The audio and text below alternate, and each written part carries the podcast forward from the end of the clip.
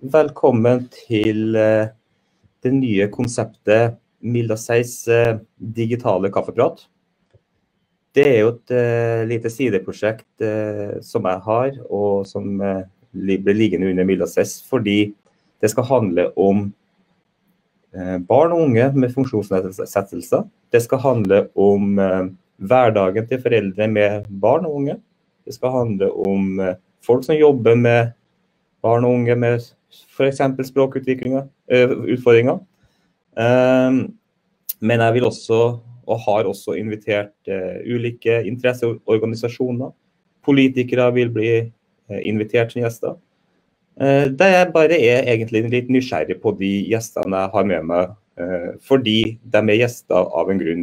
De har en historie, de har et engasjement som jeg blir fascinert over.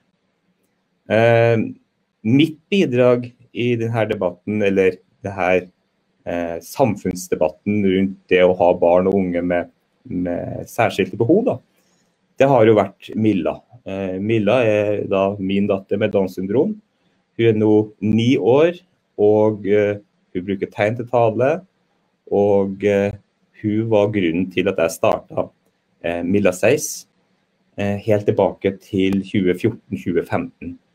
Eh, I mangel på at jeg så det mangla rett og slett gode nok løsninger for bl.a. Milla som trengte gode løsninger for å kommunisere på sitt språk, altså tegn til tale. Dette skal ikke være en tegn til tale-kaffeprat. Dette skal som sagt være en kaffeprat der jeg er nysgjerrig på dere der ute og gjestene som, som er med.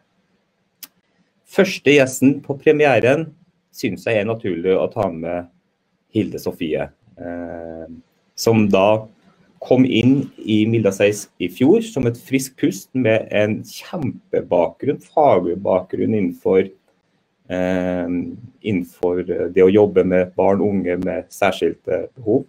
Eh, vernepleier av utdanning. Eh, videreutdanning innenfor ASK, altså alternativ supplerende kommunikasjon. Eh, og, og rivende dyktig, etter mine øyne, og også tilbakemeldinger fra fra de som bruker BilSS. Så velkommen, eh, Hilde. Takk for at du er gjest i dag. Jo, takk for at jeg får være gjest. Det var litt spennende når du lanserte prosjektet ditt med kaffeprat. Om eh, hvem du hadde tenkt inn og sånn. Så det er jo hyggelig å få lov til å bidra. Jeg har jo ikke egne barn med funksjonsvariasjoner eller eh, utfordringer i forhold til språk. De prater til tider litt for mye hvis det går an å si, om en fireåring og en snart seksåring. Men, uh, men, vi har også tegn inne, da, som i hverdagen vår og i barnehagen. og, og jobbe med det. Og det syns jo ungene er veldig gøy. Og det er jo noe av det som gjør at Ask er morsomt og spennende å jobbe med. at det er jo det er så lett for alle å ta tak i det. Mm. Eh, og, og, unger ser jo ikke på det som noe sånn eh, spesielt, de ser bare på det som gøy. En morsom variasjon av å få lov til å uttrykke seg og bruke kroppen sin og ja, ta det inn. Mm. Hvordan, er det, hvordan, er de to gutta dine hjemme hvordan de ser på det med bruk av tegn til tale? De er jo på en måte blitt eh, eh fora med det, tenker jeg? Ja, eller jeg er ikke, faktisk ikke så flink hjemme sjøl. Det er jo hverdagen spiser jo også, så, men eh, etter at vi fikk opp den enhåndsalfabetplakaten, uh, så løsna det veldig. Og den henger jo uh, over kjøkkenbordet hjemme hos oss. Så vi sitter jo hver dag og øver på enhåndsalfabet og uh, bokstaverer ord og, og sånn. Fordi jeg er veldig opptatt av dette med lesing og skriving og hvordan ting staves. Min bokstav og din bokstav. Um, så det er også noe jeg sier når jeg snakker med barnehagen ute, at det første de skal legge inn, uh, ved siden av det som er gøy, det er jo alfabetet. Sånn at de har tilgang på bokstavene på, på, på communicatoren sin, sånn at de kan si at det er jo H, det er min bokstav. Uh, og, og, det er kjempeviktig. Og så kan de si ikke sant, M for mamma. Så kan de gjøre det, og så kjenne igjen akkurat sånn som alle andre unge gjør. da. Mm. Um, så det er morsomt. Du er litt nysgjerrig på, ja, jeg er litt nysgjerrig på egen, men du, jeg var litt på, jeg er litt nysgjerrig på vernepleier. Mm. Uutdanna vernepleier.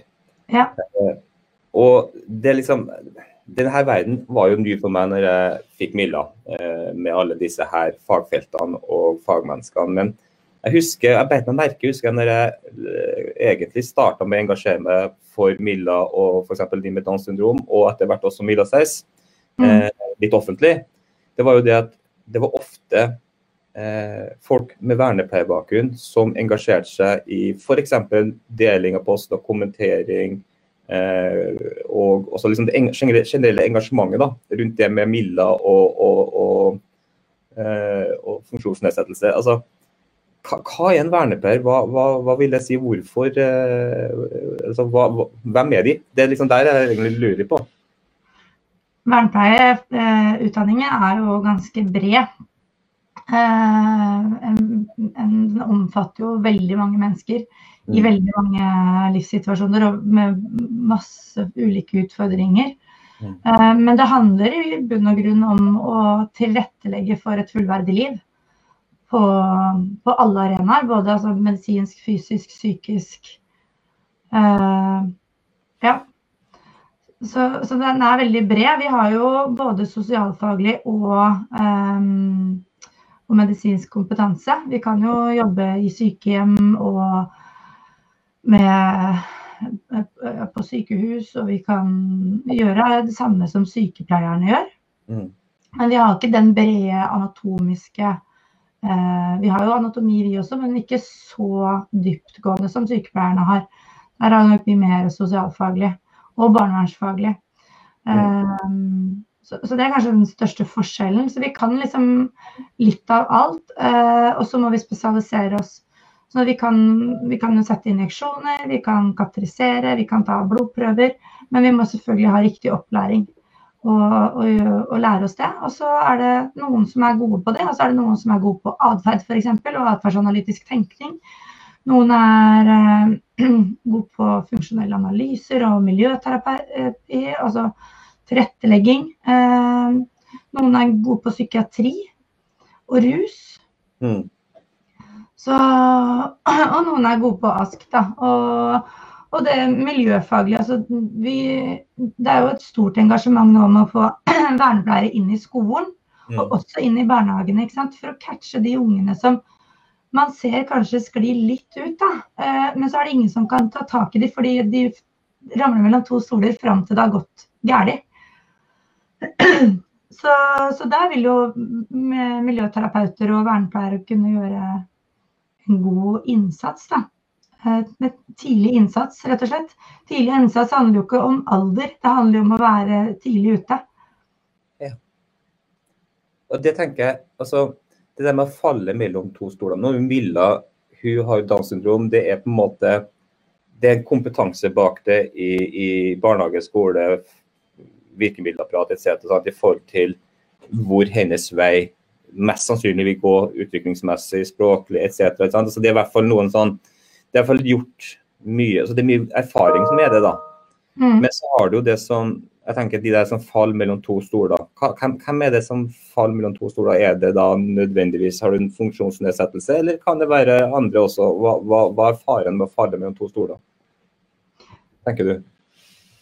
Mm, når man faller mellom to stoler, så er det jo sånn fordi at det er ikke, det er ikke den, den, sitt ansvar eller den sitt ansvar. Mm.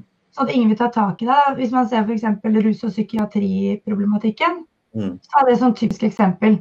Altså, du, er, du, kommer ikke inn i psykiatrien fordi du er rusa, og så kommer du ikke ut av rusen fordi du er inne på psykiatrien. Og så er det ingen som gjør noen ting.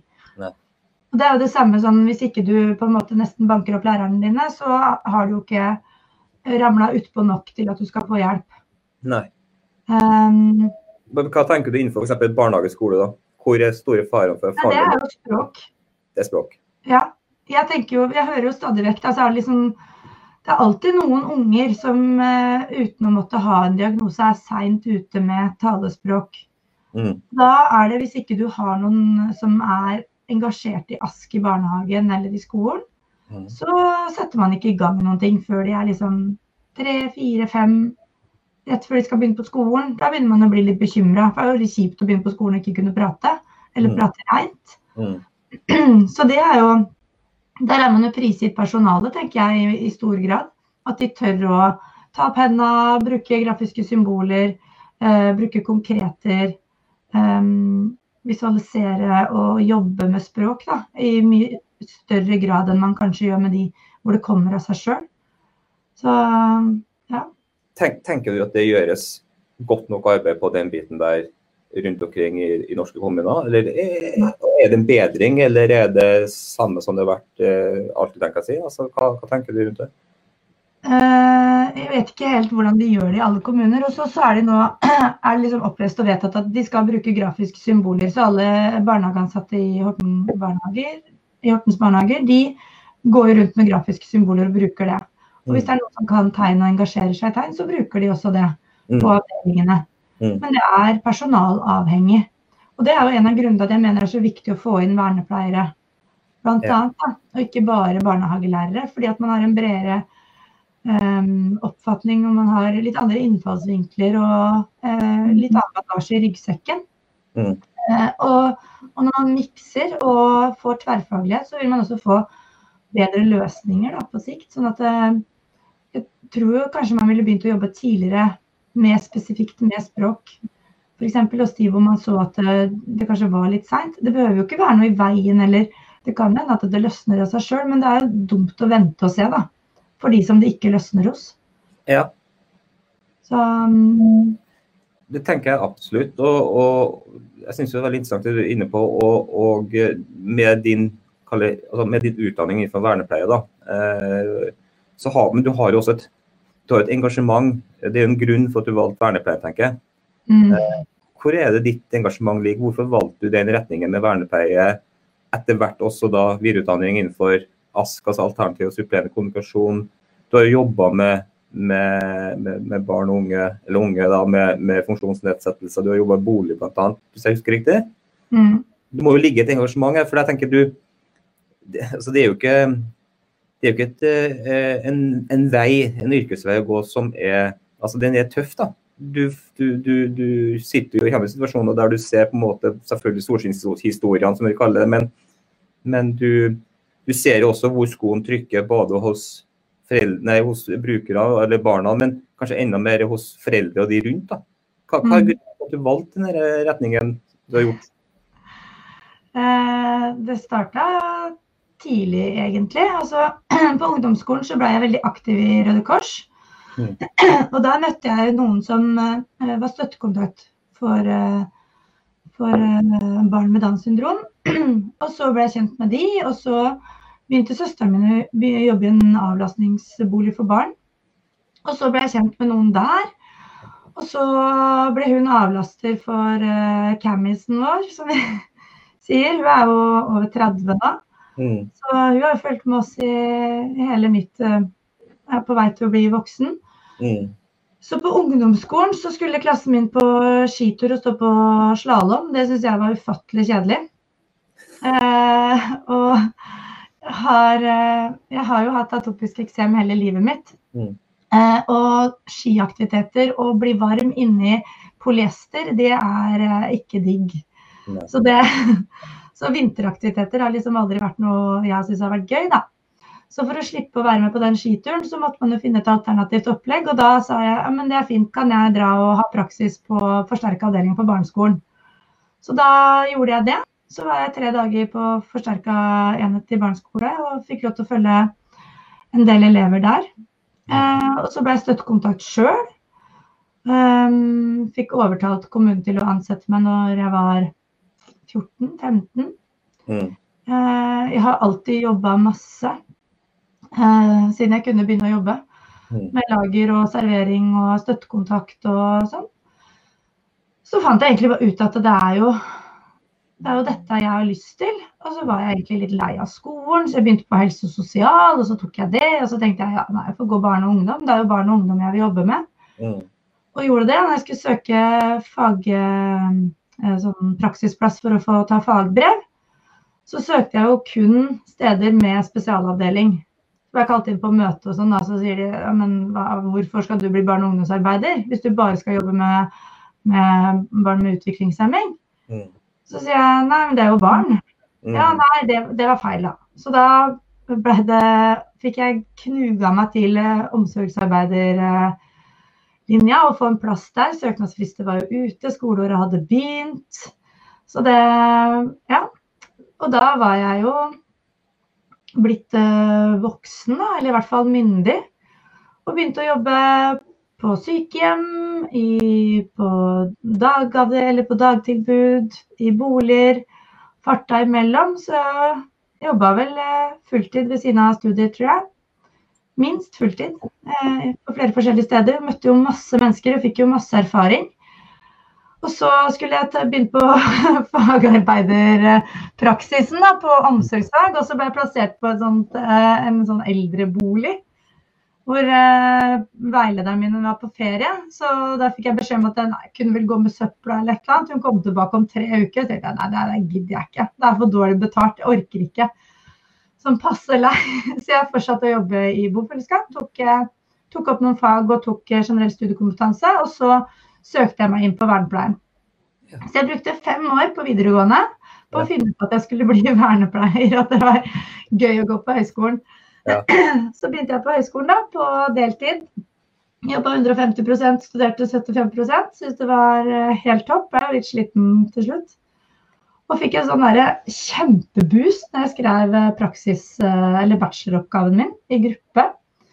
Og fikk en sånn enorm glede av å lese faglitteratur og skrive og Ja, det var kjempegøy. Det var et halvår som jeg, det var det beste halvåret på hele vernepleien å få lov til å skrive den. Da skrev jeg en oppgave om med funksjonell analyse av eh, ungdom med skolevegring og asperger i samarbeid med Glenne. Så Utgangspunktet mitt er at jeg egentlig har jobba mest med de som har autismespekterforstyrrelse og mye atferdsutfordringer. Og, og, det jeg fant ut da, etter å ha jobba mye med det, er at samtlige der mangla jo et funksjonelt språk. De kunne liksom svare ja, nei, kaffe, kake, gå tur, uh, høre på musikk. ikke sant? Sånn basisting, da. Men de kunne ikke si noe om hva de ville, hva de tenkte, hvordan de hadde det, hva de syntes om meg, eller uh, sånne ting. Nei. Og da eh, Og så begynte liksom eh, Ask å ta seg opp. For det har jo ikke vært så mye. Det har liksom vært litt sånn PCS-symboler og de svart-hvitt-bildene og, mm. og, sånn som liksom har vært sånn synlig, da. Eh, mm. Og tegn til tale har jo vært synlig. Mm. Eh, men ikke for alle. Så, så, det begynte å ta seg litt opp. Og så begynte jeg å jobbe i spesialskole som både miljøterapeut og uh, som, um, som lærer, eller med læreransvar. Uh, og da så jeg jo et enda større behov for ASK. Så når jeg da fikk så mye eksem at jeg ikke kunne være i den jobben lenger, ja. så, så, måtte jeg jo stake meg ut en ny vei. Og så var det sånn Jeg er jo så glad i å være vernepleier. Jeg liker jo det faget og det yrket så innmari godt. Jeg liker å kunne bidra og jeg liker det så godt at jeg går all in overalt. Og det er ikke alltid bra for en sjøl. Når man ikke liksom uh, slutter på jobb når man slutter på jobb. Så når jeg da skulle finne ut av hvordan skal jeg liksom klare å uh, balansere det her, da, så måtte jeg tenke ut hva kan jeg gjøre? Hvor er jeg god? Så var jeg liksom litt innom barnehage, og så hadde jeg praksis i en barnehage. Og så endte jeg med fullt utbrudd høygravid og lagt inn på hudavdelingen til bading og smøring. Eh, og etter det så har det vært veldig bra, da. Men eh, da så vi at det, det er jo heller ikke bærekraftig for meg og min helse. Eh, så fikk jeg fikk jeg lov til å Jeg blei jo kasta inn i Nav-systemet i forhold til sykemelding over lang tid og permisjon med barn og arbeidsavklaring og hele den pakka der. Eh, så jeg vet jo litt om hvordan det er å, å sitte på den siden også. Men eh, jeg gir meg jo ikke på tørre møkka, så jeg satt jo og dro ut den timen til jeg fikk det som jeg ville. Og det jeg ville, det var jo ikke at de skulle gi meg penger eller uføretrygde meg eller sånne ting. Men jeg trua de rett og slett å sende meg på jobbkurs og få, få, hjelp til å finne ut hvem vei kan jeg gå videre nå. For å mm. bygge på det jeg hadde av kompetanse, og for å ta videre. Og da mm. finner vi ut at ASK, det, det er nyttig. Mm. Der er det mange måter å jobbe på, og mange steder hvor jeg kan ta med meg det inn.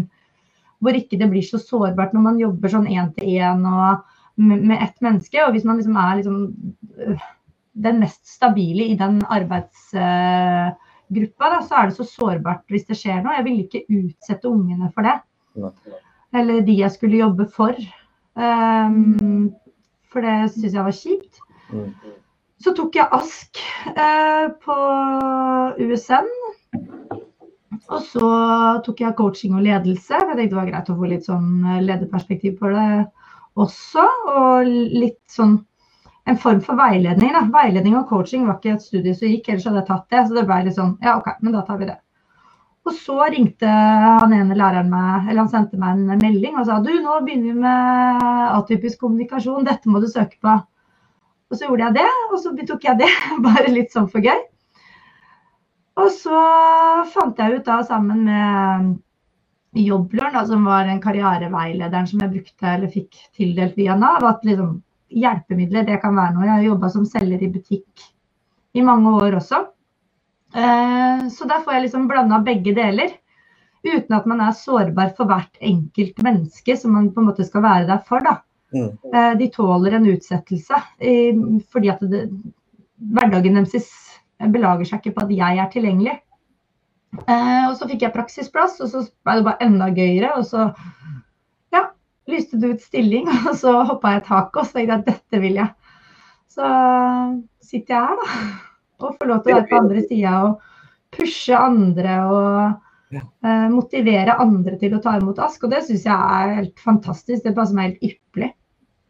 Ja, det er jo vi veldig glad for, for å si det sånn. Uh, og det tror jeg de fleste som på en måte har møtt deg, Hilde, uh, i hvert fall tilbakemeldingene jeg har fått, uh, det er jo det at de, de får det ekte varen med erfaringer. Eh, altså Du er godt skolert innenfor det det teoretiske aspektet, men du også du har egentlig hele livet jobba med, med den situasjonen eh, som, som jeg står oppe i som far, ikke sant? og som, som våre brukere står oppe i som foreldre. Mm. Men hvis du skjønner og kjenner også utfordringene de som jobber med disse barn og unge står i også, sant? for du har vært gjennom det løpet. Mm. Eh, Og det, det tror jeg mange skal være ufattelig glad for. Eh, Jeg bare, du, jeg bare bet meg merke i en ting. Det her er jo ikke eh, altså Jeg er jo bare en far som har på en måte laga noe som, som skal hjelpe en, en situasjon for vår del. Men atypisk kommunikasjon, kan, kan ikke du si hva, hva er det? Altså, hva, hva, vil, hva ligger i det begrepet atypisk kommunikasjon? Er det samme som ASK, alternativ supplerende kommunikasjon? Er det en grein av det? Helt annet? Nei.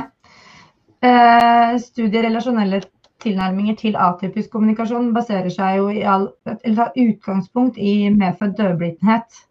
Okay. Eh, og det er jo de som Altså den kommunikasjonen du har inni deg, da, som du kjenner på, og som du på en måte får ut. Og så må vi rundt tolke det, og tolke det likt.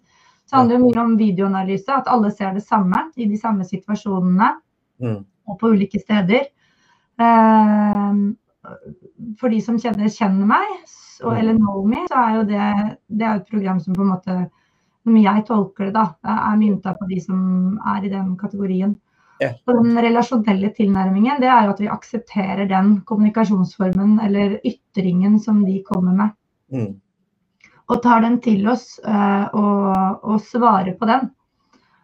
Og det er jo det er jo veldig veldig spennende felt. Og det er jo helt utrolig med de som jobber i, i de, eller med, eh, for de som, som er i den kategorien. da.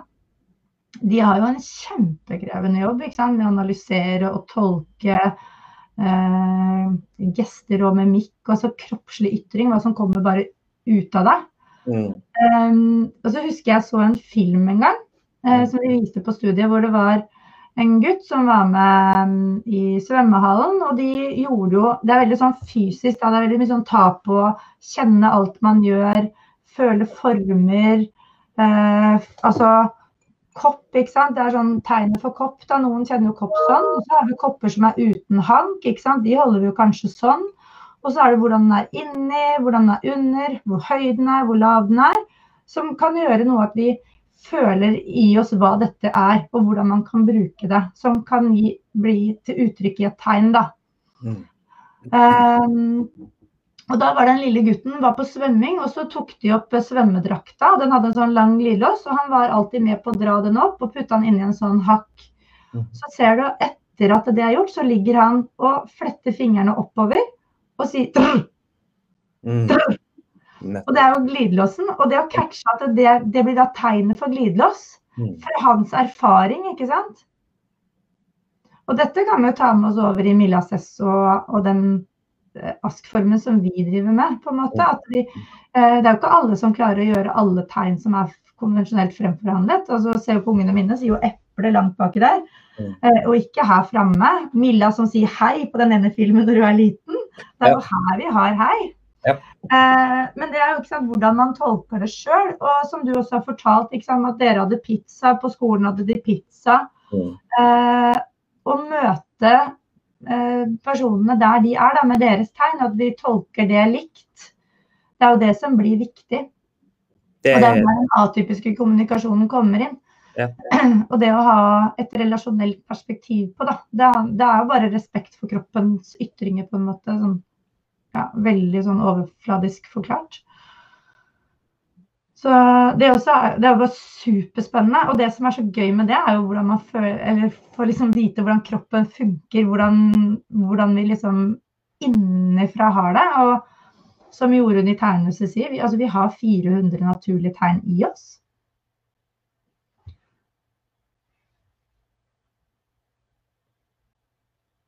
Nå frøys du litt, Aleksander. Jeg vet ikke om du ramla helt ut, men, eller om jeg ramla ut òg.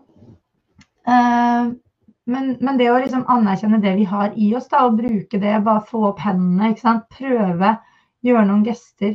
Alle sier jo hei, alle sier ha det. Alle sier jeg og du. Uh, så vi har liksom mye. Vi skal kjøre. Ja. Så det ligger veldig mye i inni oss også. Og det, det, er det som er gøy å få frem, da. Um, og det, som du sa også, det med å på en måte sitte på andre enden og føle på tidspresset og skulle balansere det her med, med ledere og, og, få de også til å um, se og forstå, da, det er jo kjempeviktig. Man får liksom tid til å gjøre. Eh, og prioriterer å sette av tid til språket også. Og se det i en sammenheng med, med den faglige eh, biten på skolen og sånn. Det er også vesentlig eh, at det er nyttig for faget, og at det handler om faglig innlæring. Da. Så um, ramler Aleksander helt ut her. Man kommer seg på igjen snart. Kan du vente litt?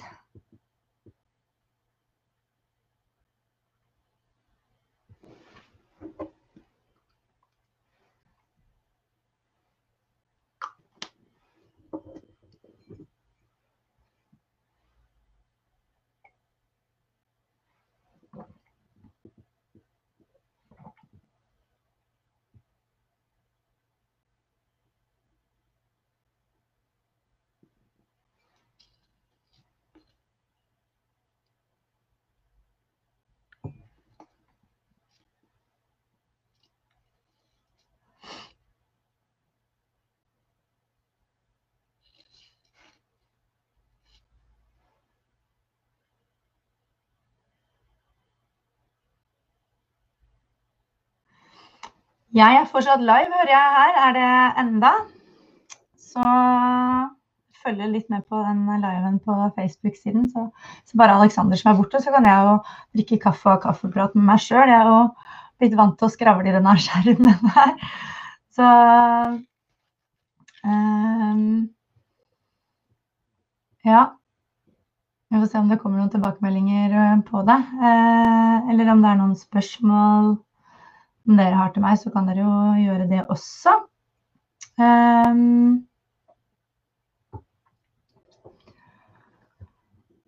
men det å liksom kunne se begge sider av en sak, da, det tror jeg er nyttig. Og det å forstå, ikke liksom bare pushe på, men å kunne være med og kunne gi noen eh, tips i forhold til hvordan man kan bruke tida effektivt. At ikke alt skal være så innmari perfekt hele tiden. Det er jo ekstremt viktig. Um,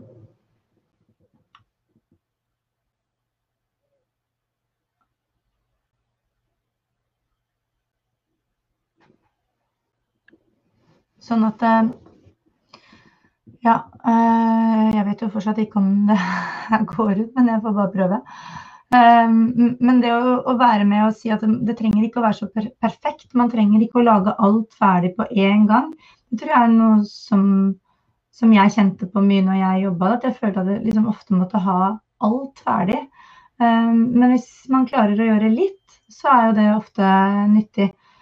Sånn at det er bedre å ha inn ett eller to tegn i hjelpemiddelet sitt enn å ha ingen, eh, selv om man kanskje ikke klarer de 20. Så er det sånn at Mengdetrening det gjør jo at ting blir mer effektivt. Man må finne gode rutiner og rytmer for å få det til. Så um, ser jeg at det, Naomi spør her um, vi kan si noe om viktigheten av eierskap i nettverket rundt disse hjelpemidlene. og Det kan vi jo si. Altså, uten språkmiljøet så er jo ikke språk uh, noen ting på en måte, Du må jo ha noen å snakke med. Eh, og det å bli møtt av dine nærpersoner på ditt språk, det er jo ekstremt viktig. Hei, Aleksander. Der var du inne igjen. Jeg vet ikke hvor, om alt har gått live hele tiden, men jeg har nå prøvd å skravle litt. Um, og så spør Nomi om uh, viktigheten av eierskap i nettverket. Og da er det jo viktig å bli møtt av nærpersonene dine. Vite at uh, når du kommer til mormor, så så kan hun tegnet for mormor, ikke sant? Eller for bestefar, for is og drikke, eller at man er glad. Altså alle de tingene der sånn som bare det å bli møtt, da, og at mormor også tar opp hendene, sier hei. Det er så viktig. Eh, og selv om ikke kanskje besteforeldre eller familiemedlemmer klarer å lære seg alle tegnene men vite hvor man kan hente språket fram. Om det er Communicator by Milases, eller om det er Nolmin-maskinen, eller om det er eh, en talemaskin, eller om, om det er manuelle hjelpetegn, at man har liksom peketavler, eller hvordan det er. Det er jo eh, kjempeviktig. Og det viktigste er jo man har strategier for hvordan gjøre deg forstått når andre ikke skjønner deg. Og det må familie og nære venner være med på. Uh, og når de er det, så, så, vil man jo bli møtt der man er. og Det gjør noe med mestringsfølelse, det gjør noe med autonomi, det gjør noe med selvfølelsen og selvstendigheten. Og det å på en måte være på en vei da, til å identifisere hvem er jeg som menneske her i verden. på en måte, Det gjør jo alle. Eh, og det tenker jeg er liksom det viktigste med dette med, med, hjelpemidler, og at nettverket er tilkobla der Det er å følge med på det. Og, og, også i forhold til med fagpersoner å koble inn at uh, lederen for barnehagen, at uh, avdelingsleder på skolen, på dagsenter, uh, at de er med i nettverkene bare for å følge med og se uh, hva er det egentlig som skjer her. Hva, hvem gjør hva, hvordan holder de på, hvordan virker det her. og og i forhold til det å ha, få en forståelse av de ressursene som trengs for å tilrettelegge for hjelpemidler, og for å kunne uh, tre inn da, hvis eh, det skulle skjære seg. Hvis liksom alle blir syke eller alle går i karantene av de ansatte, men noen barn skal fortsatt være. ikke sant? Man vet jo aldri, særlig sånn som eh, verden er i dag, så må man sørge for at det er trygt og sikkert da, eh, rundt hjelpemidlene. Og at noen i hvert fall vet om hva det her er. Så, så det syns jeg jo er eh, viktig med dette med nettverk. Da. Um, og eierskap i det. At man uh, føler seg litt forplikta til å følge opp og se. Og, og, når man gjør det enkelt, så er det jo lettere. Altså når man kan liksom bruke to sekunder og bare sveipe sant? så så får du med deg mye mer informasjon enn om du må liksom bla gjennom permer og finne om hva er det siste som er gjort her nå. Um, og, og, hvordan er det her? Så får vi spørsmål om eierskap og kunnskapsoverføring mellom arenaer i livsoverganger. Og da er det jo ekstremt viktig, tenker jeg, altså så fort du vet om eh, at noen skal inn i nettverket ditt, eller at du skal over til noen nye personer, at de skal inn i nettverket ditt. Ikke for at de skal inn og gjøre noen ting, men at de skal se hva som skjer. At de skal eh, bli interessert, bli vant til at det er der. Følge med på hvordan andre gjør det. Da får man jo også inn litt sånn smakebit på rytmer man kan eh, bruke for å tilrettelegge og følge det opp videre.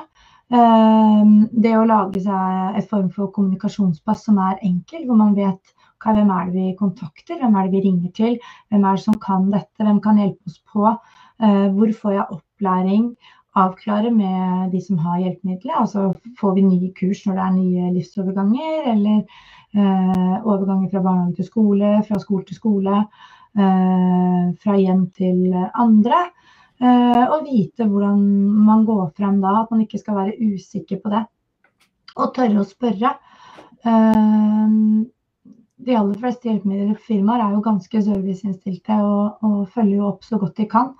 Men det å ha et kommunikasjonspass, det tror jeg er nyttig. Hvor det kan ligge noen passord, hvor det kan ligge noen uh, korte setninger om hva man tenker og, og, hvordan man har brukt, og hvem som har vært ansvarlig for osv.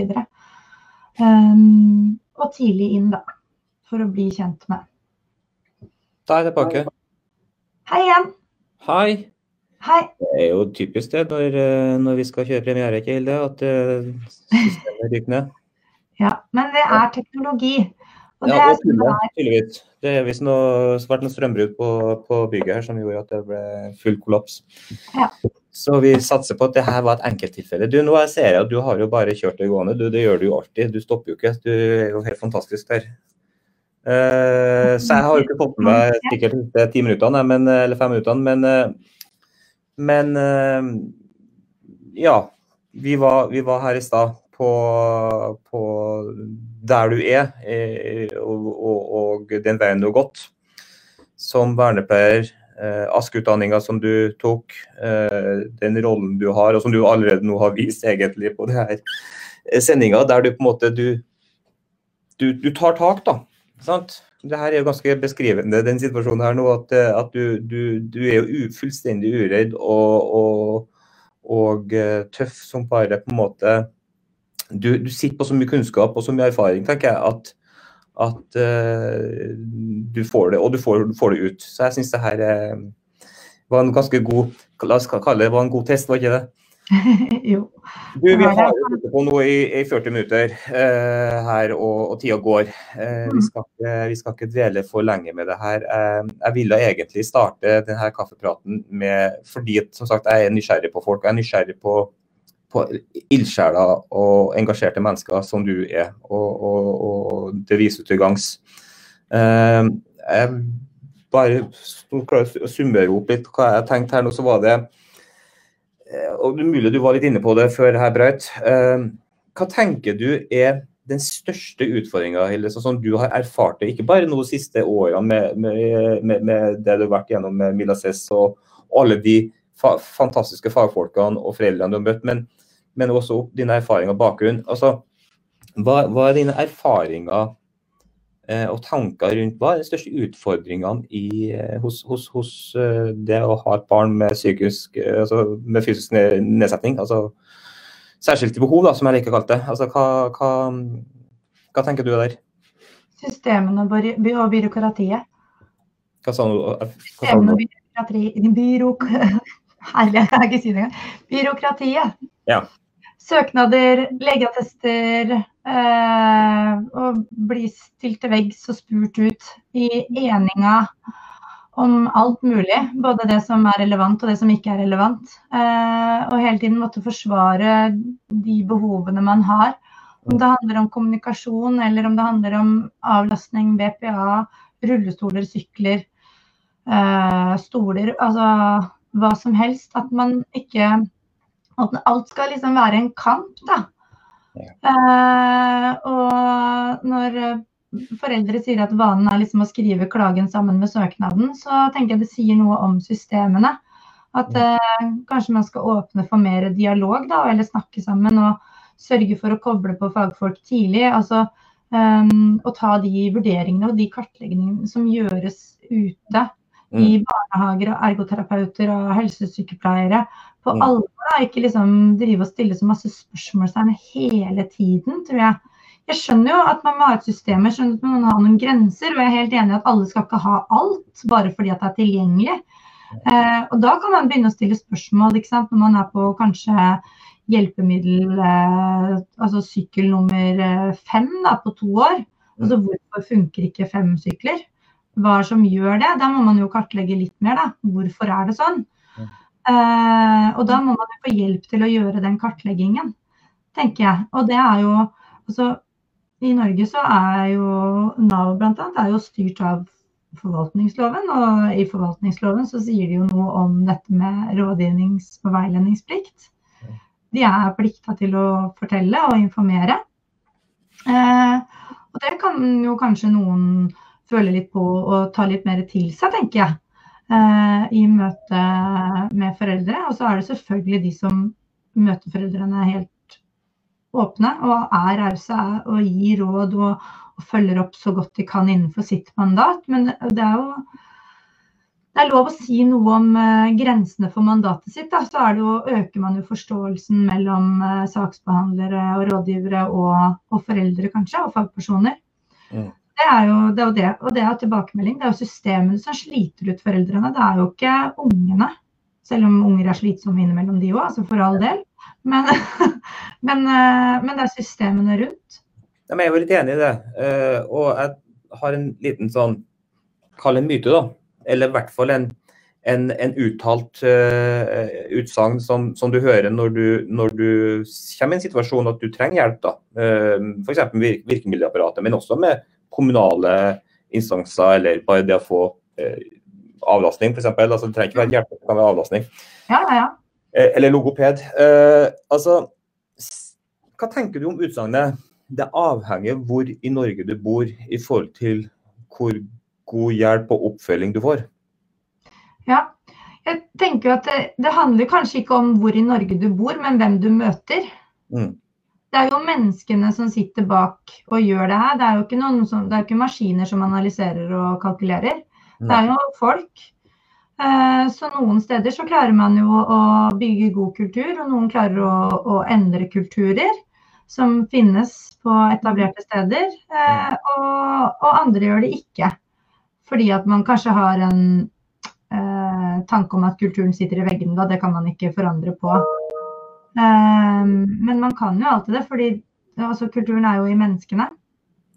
Så du tenker det er, det, er, det, er, det, er, altså det den menneskelige faktoren Mm. som, som, som gjenspeiler hvor godt eller dårlig et system fungerer rundt eh, en bruker, et barn, en pårørende, i forhold til hvor god hjelp det får. Mm. Hva tenker du burde vært gjort da? For å unngå de altså for det sier sånn da, altså Som far til Milla med Downs syndrom, så er vi med i ulike nettforum, ikke sant? altså på Facebook etc. Og er det noe som går igjen i de forumene, så er det jo den her evinnelige diskusjonen hun får det, vi får ikke det. De får det, de får ikke det. Altså, det går, og også begynne å se hvor er de bor. og det kan si at Du kan bo i Oslo, men du kan være veldig ulik i forhold til bydeler. Eksempel. men du kan også bo i, i, i Harstad og få alt du, du på en måte peker på nesten. Og så kan du bo i Trøndelag og ikke få eh, en brøkdel engang. Mm. Men det bunner i det er jo kommuneøkonomi, da. Ja. Og så er det de føringene som kommunene setter. Mm. Så hvis det hadde vært statlig styrt, så ville det kanskje vært mer likhet eh, i forhold til de ressursene man har å, å bruke. Så det er jo selvfølgelig, det handler om mennesker, det handler om de som eh, jobber bak og, og hvordan de klarer å forvalte ressursene sine. Mm. Og så handler det om antall eller hvor mye ressurser man har.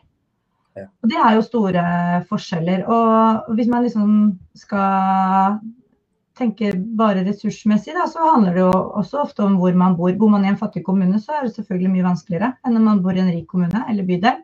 Mm. Um, så, så det er jo fordi kommunene har mye ansvar. Ja. Så jeg, jeg, jeg, jeg føler jeg fullt ut på den at har, det er veldig avhengig av hvor, eh, altså, eh, hvor god økonomi kommunen har. Men, men, veldig mye er jo statlig styrt av tilbud. sant? Eh, og jeg bare en litt sånn kalde svart humor som går også igjen i, i Nå igjen bruker jeg Downs for det er det jeg kjenner på en måte best. da. Men det er jo f.eks. den der typiske hvert andre år sende inn Mitt barn har fortsatt Downs syndrom.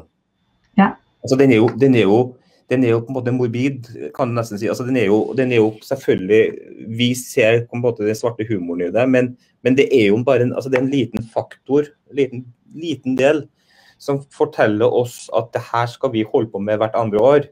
Og så er det bare den lille delen, så vet du alt det andre du skal gjøre egentlig, som er egentlig like håpløst uh, bygd opp og tenkt. da. Mm.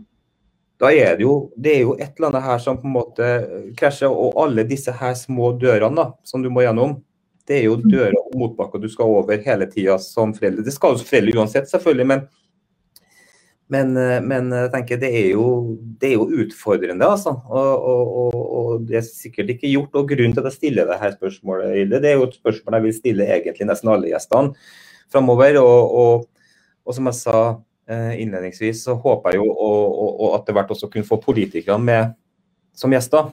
Mm.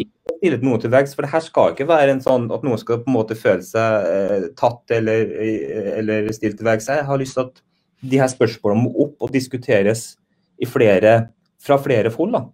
Mm. Eh, Fra foreldre, de som jobber med det og sitter i det hver dag, eh, til de som på en måte kanskje er med til og med å bestemme reglene eller retningen eller pengesekken, da, for den saks skyld.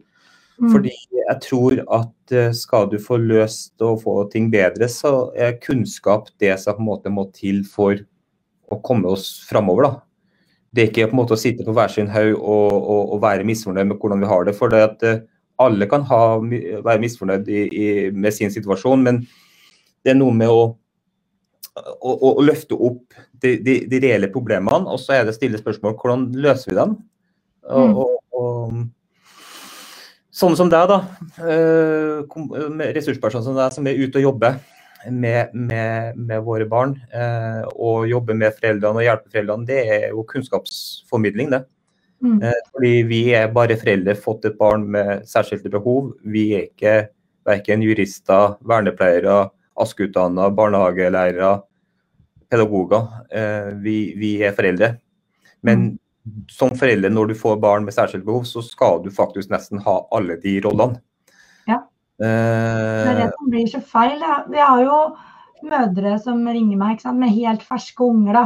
Så Mm. kommer de fra sykehuset så får de beskjed ok, du har barn med Downs syndrom, du skal bruke tegn. Og det er beskjeden de får. Eller om det glipper på veien, eller at ikke det er tydeliggjort, eller at ikke de får med seg et brev med navn og telefonnummer til en kontaktperson. Eller hvem er det som følger opp? da? Er det helsesøster, eller er det en ergoterapeut, eller hvem ringer deg? Hvor eh, henvender du deg liksom når du på en måte har landa og fått i gang amminga eller flaskinga, eller hva du driver med? Og så og begynner å tenke ok, hva må jeg gjøre nå, da? Må jeg gjøre noe annet nå fordi at barnet mitt har eh, et ekstra kromosom eller eh, funksjonsvariasjon eller eh, eh, hva som helst? Og, og det er liksom den der veiledninga som det kommer til igjen, da. Men, og det handler om personer som hvordan man velger å ta tak i jobben sin, da. Og der er man jo forskjellig, ikke sant. Jo, du kan jo tenke når du går på butikken, da, så møter du jo ulike folk i kassa. Noen er super serviceinnstilte, og andre sier så vidt hei. Eh, og du kan være heldig hvis du blir spurt om du ha pose, liksom. Mm. Og sånn er det jo i alle yrker og i alle felt. Uh, og det er jo derfor jeg sier det handler om person også, i tillegg til ressurser. Fordi hvis man er superengasjert da, og, og brenner for det, så klarer man ofte å finne gode løsninger selv med lite ressurser. Mm. Eller man klarer å veilede sånn at man kanskje kan hjelpe noen videre til å se på andre løsninger fordi at kommunen ikke kan tilby akkurat det du ønska deg. Og Det er jo det som blir så viktig, å, å liksom møte foreldrene tidlig. At det kanskje det kommer noen faste som ringer, liksom, eller om helsesykepleierne får et uh, større ansvar for å følge opp eh, foreldre som får barn med, med ulike utfordringer. eh, på en annen måte.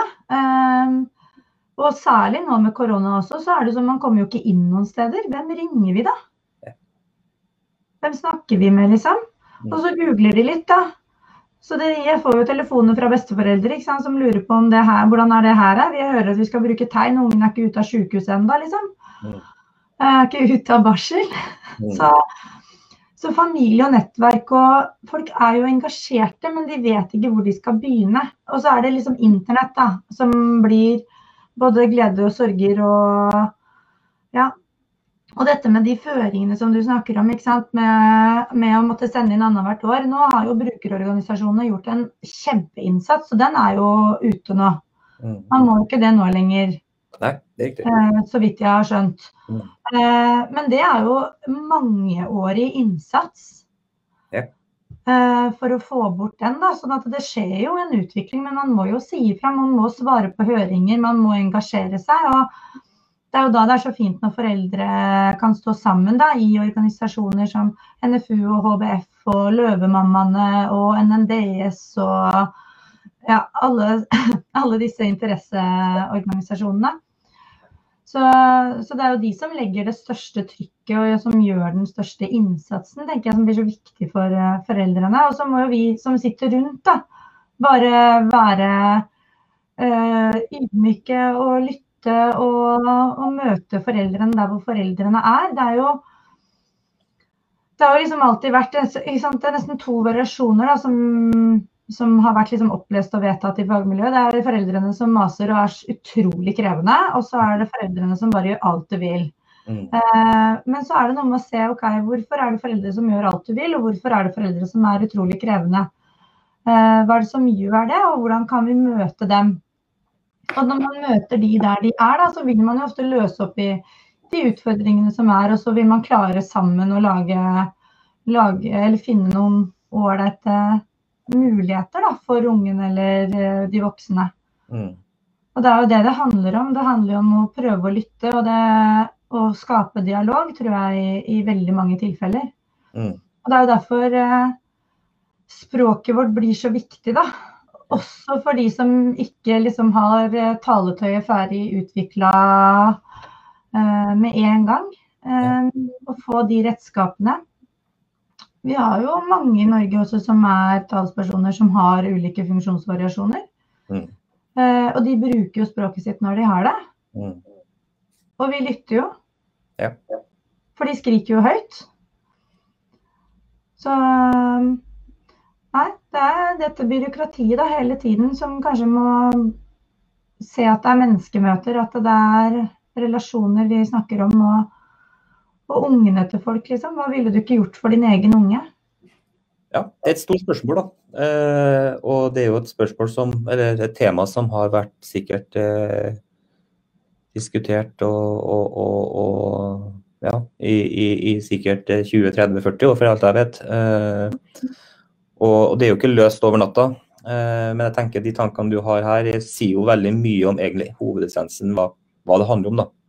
Det handler om, som du sier, om om du er eh, besteforeldre til noen som får et barn eh, med særskilte behov, eller om du jobber i, i barnehage, skole, i kommuneapparatet, i virkemiddelapparatet, eh, i statsapparatet, altså i Nav, så handler handler om det menneskelige aspektet.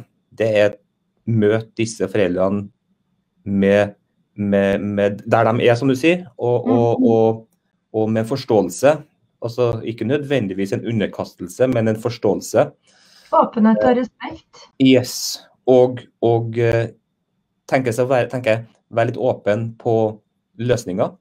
Eh, ikke tro du sier på fasiten, for det handler jo om individer. Hvert barn, selv om det fødes uh, eh, 60-70 barn med Downs syndrom for eksempel, da, hvert år, så er det 60-70 helt ulike individer med sitt utviklingsløp. og det disse barna og det disse foreldrene trenger. De trenger som du sier, å bli møtt og sett der de er, mm. og hjulpet ut ifra sine forutsetninger der de er nå, og, og med noen målsetninger. Mm. Og det her er jo egentlig, mener jeg, da, foreldrene som er best egnet til å, å si fra hva de har behov for. Og så det, skal det være et faglig apparat rundt som på en måte backer dem og tipser dem og hjelper dem for å nå de målsetningene, ønskene og der de er, disse foreldrene, tenker jeg. Altså. Mm. Og det er krevende, men, men det, jeg tror det er det. Og, og, det er et spørsmål som jeg sa, som jeg har lyst til å ta med egentlig stort sett alle gjestene, uavhengig av, av bakgrunn. fordi jeg tenker alle har sine tanker. Jeg tror veldig mange dreier seg veldig mye om det du sier her, men, men jeg tror det er viktig å få det, få det fram igjen og igjen og igjen. Mm. Ja. Eh, da skal vi egentlig snart avslutte. Jeg bare en siste, da.